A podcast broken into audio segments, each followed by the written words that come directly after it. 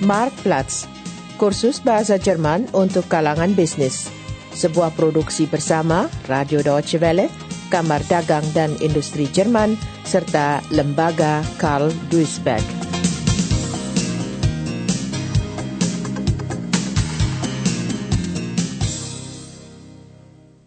Episode 22 Restrukturisasi di sektor pertanian Aroma daging goreng memenuhi dapur. Seluruh keluarga Harms berkumpul. Hanya Sabine yang tidak ada. Tanpa kehadirannya, suasana terasa sepi. Tetapi ia telah mengambil keputusan. Rupanya kehidupan petani kurang cocok untuknya. Ibu Harms dapat memahami putrinya apa yang dapat diharapkan Sabine dari upaya pertanian? Setiap hari harus bangun pagi-pagi, tidak ada libur, dan hidup dikejar utang.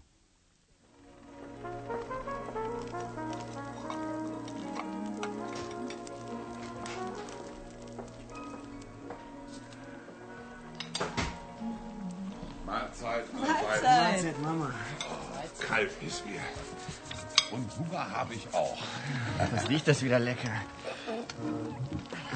So, Fleisch und da die Kartoffeln. Danke. Danke. Hm.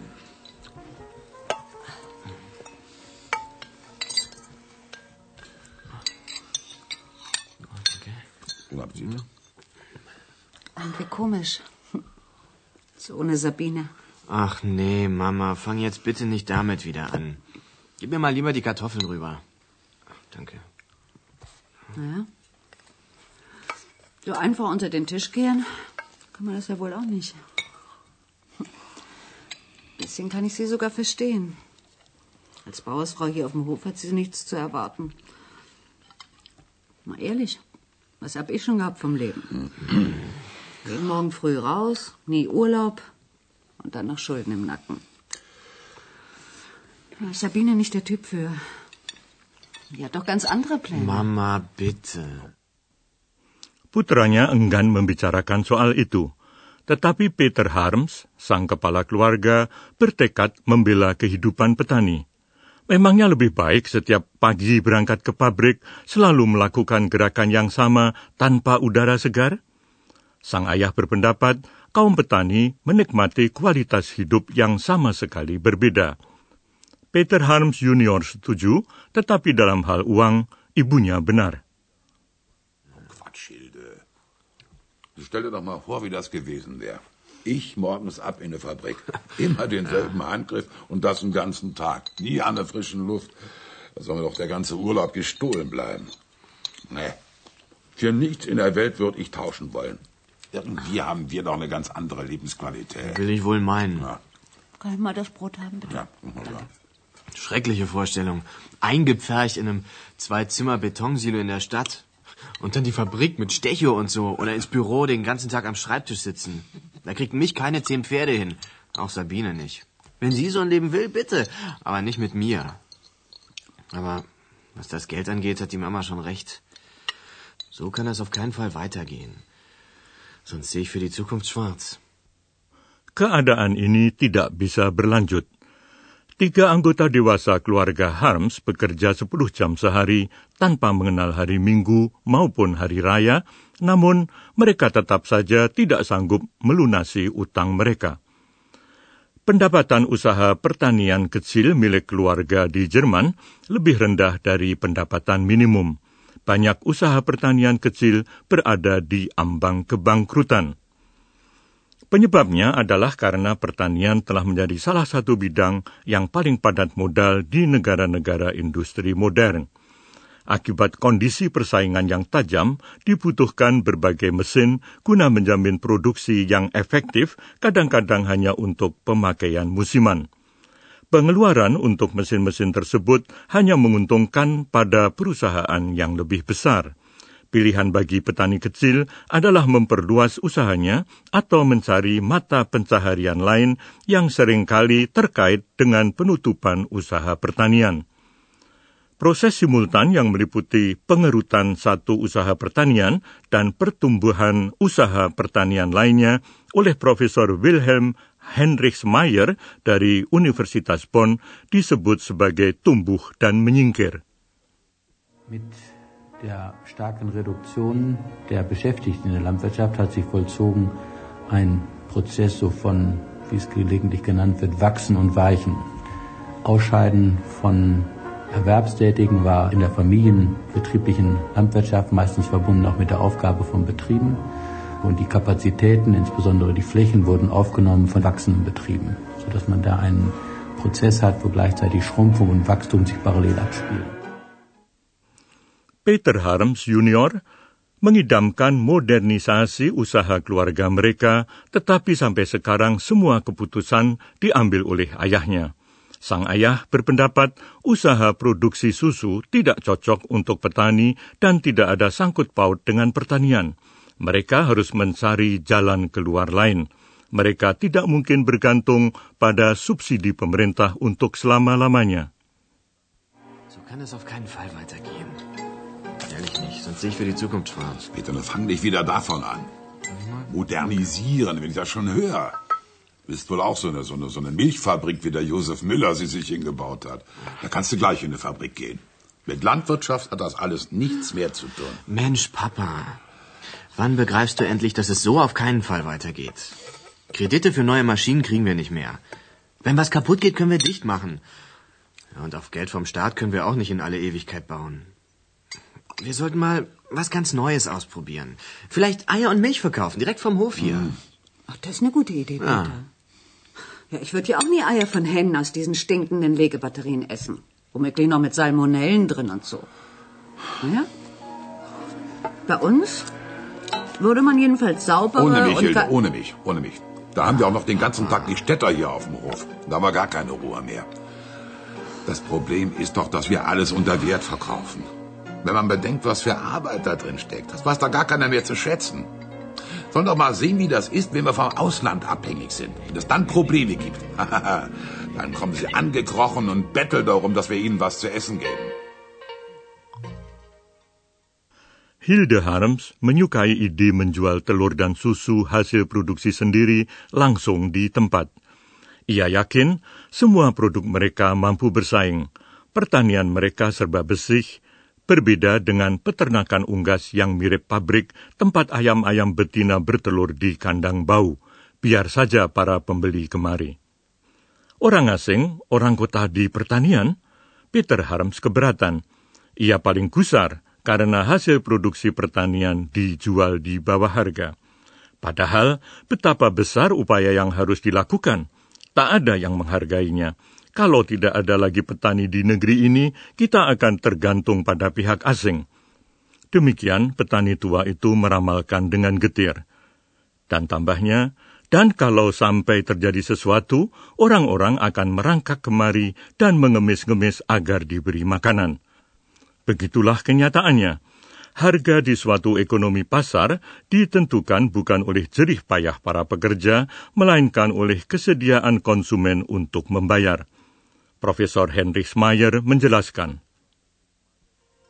In der Marktwirtschaft können sich Preise nicht orientieren an den Mühen von Beschäftigten, sondern sie müssen sich orientieren an den Produktionswerten, die die Konsumenten zu entlohnen bereit sind und den Opportunitäten, die in anderen Ländern durch Handel erschlossen werden können. Akibat biaya tenaga kerja yang tinggi, biaya pertanian di Jerman lebih tinggi dibandingkan di negara-negara Eropa Tengah dan Timur. Bahan makanan impor sering kali lebih murah daripada hasil produksi Jerman. Petani Harms betul-betul geram menghadapi kenyataan ini. Segala sesuatu dijual semurah-murahnya di toko serba ada. Orang-orang mau mengeluarkan uang untuk apa saja, tetapi untuk makanan, kalau bisa, mereka mau mendapatkannya dengan cuma-cuma. Ich das schon sehe. Heute ein Supermarkt. Nahrungsmittel kriegt man heute für einen Appel und ein Ei. Ist doch gar nicht einzusehen. Für alles geben die Leute viel Geld aus. Ne? Aber das, was täglich auf den Tisch kommt, das wollen sie am liebsten umsonst. Nun mach mal halblang, Papa. Ja. In anderen Bereichen jammerst du ja auch nicht, wenn du was billiger kriegst. Meinst du denn, den neuen Fernseher hättest du so günstig gekriegt, wenn er nicht sonst wo montiert worden wäre? Oder das Auto? Die Teile werden doch auch irgendwo im Osten oder was weiß ich wo produziert. Peter Harms Junior menyela, jangan mencela orang lain. Ia sendiri kan juga tidak mengeluh jika bisa memperoleh sesuatu dengan harga lebih rendah. Pesawat televisi yang baru misalnya bisa dibeli dengan harga murah hanya karena dirakit di tempat lain dan bukan di Jerman. Jika produksi gandum di Polandia sedemikian murah sehingga harganya meskipun ditambah ongkos transport lebih rendah daripada gandum Jerman, maka adalah menguntungkan untuk mengimpor gandum dari Polandia ke Jerman. Ini berlaku tidak hanya untuk sektor pertanian. Demikian ditegaskan oleh Profesor Hendrik Mayer. Tambahnya, Analisis biaya manfaat menunjukkan bahwa pengelompokan kerja antar negara dalam hampir semua kasus bersifat tepat guna.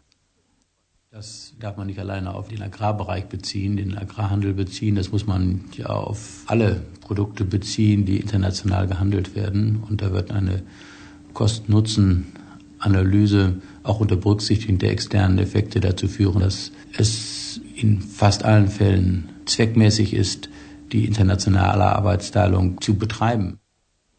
Pengelompokan kerja antar negara dalam pengertian sejatinya berarti setiap negara memasuki pasar dunia dengan menawarkan hasil produksi yang mampu dibuatnya dengan lebih baik dan lebih murah daripada negara lain. Perdagangan bebas tidak boleh dihambat. Tetapi di bidang pertanian, Uni Eropa sedikit banyak membatasi impor dengan tujuan melindungi para produsennya sendiri. Para petani di sini memperoleh berbagai subsidi.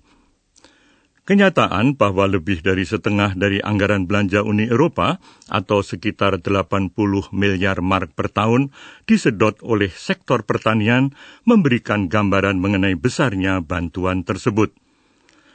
Para petani negara-negara anggota Uni Eropa berjuang agar rangkaian subsidi itu dipertahankan dan agar hasil produksi pertanian Eropa Timur dikenakan pembatasan impor lebih lanjut. Kebijakan menyokong usaha-usaha yang tidak menguntungkan dalam jangka panjang tidak dapat dipertanggungjawabkan. Reformasi kebijakan sektor pertanian Uni Eropa telah dimulai. Bagaimana dampaknya terhadap usaha-usaha pertanian skala kecil? Wilhelm Hendrik Mayer, ahli kebijakan pertanian, memberi jawaban berikut. Semua usaha yang memenuhi standar internasional akan mampu menghadapi kondisi persaingan yang baru. Selebihnya dapat mempertahankan daya saing dengan melayani ceruk pasar tertentu. Unter Effizienzgesichtspunkten ist das in hohem Maße ineffizient. Unter den Grundprinzipien einer Marktwirtschaft, auch einer sozialen Marktwirtschaft, ist eine solche Politikausrichtung auch nicht äh, zu rechtfertigen. Jedenfalls nicht als eine Langfristperspektive, sondern allenfalls in bestimmten Ausprägungen als eine Politik, die Strukturwandel unterstützt und sozial absichert. Setelah berdiskusi panjang lebar dengan keluarganya, Peter Harms memutuskan tidak mengambil kredit yang mahal, melainkan mempertahankan usaha pertanian dalam luas semula dan perlahan-lahan beralih ke produksi yang bersih secara ekologi. Tetapi, tanah di ladang-ladangnya belum memenuhi persyaratan yang ditetapkan, proses regenerasi memakan waktu beberapa tahun. Sementara itu, Hilde Harms sudah mulai menjual sayur mayur, susu, dan telur di gudangnya.